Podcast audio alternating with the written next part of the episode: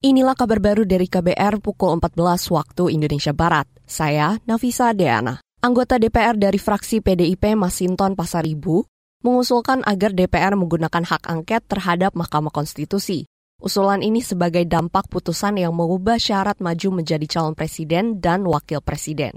Usulan Masinton disampaikan dalam rapat paripurna DPR ke-8 masa persidangan 2 tahun sidang 2023-2024. Tapi apa yang kita lihat, putusan MK bukan lagi berdasar dan berlandas atas kepentingan konstitusi. Putusan MK itu lebih pada putusan kaum tirani, saudara-saudara.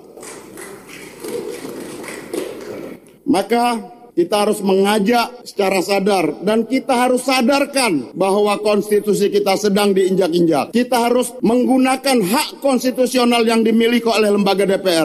Anggota DPR dari fraksi PDIP Masinton Pasaribu menambahkan, Indonesia kini tengah mengalami tragedi konstitusi usai putusan Mahkamah Konstitusi.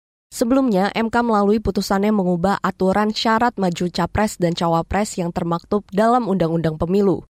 Perubahan itu adalah syarat capres dan cawapres menjadi minimal berusia 40 tahun kecuali berpengalaman sebagai kepala daerah. Kita ke berita lain, Saudara. Komisi Bidang Pertahanan dan Keamanan di DPR hari ini akan menggelar rapat guna menindaklanjuti surat presiden atau surpres terkait calon Panglima TNI. Hal itu dikonfirmasi oleh anggota Komisi Bidang Hankam di DPR Arwani Tomafi. Arwani mengatakan rapat digelar guna membahas hal teknis proses seleksi calon Panglima TNI yang diajukan oleh Presiden Joko Widodo.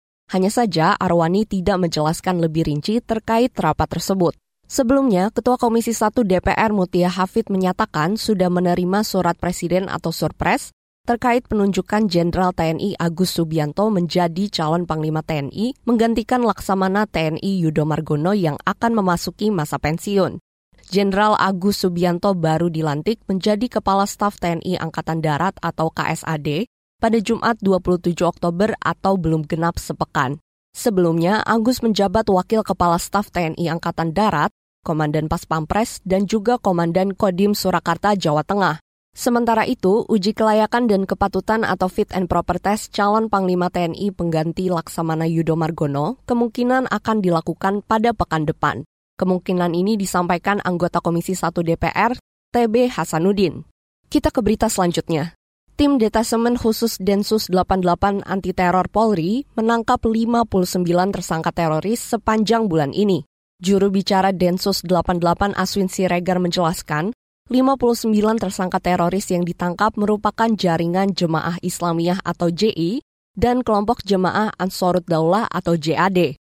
Kegiatan yang terencana oleh kelompok ini untuk menggagalkan atau untuk mengganggu jalannya pesta demokrasi pemilu. Karena dari keterangan yang disampaikan oleh beberapa tersangka yang telah diperiksa oleh penyidik Densus 88, bagi mereka pemilu adalah rangkaian demokrasi, mana demokrasi itu adalah maksiat.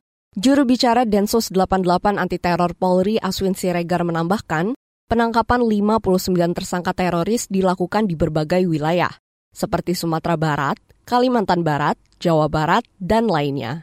Hasil penyidikan mengungkap kelompok teroris berencana menyerang aparat dan fasilitas keamanan saat pemilu.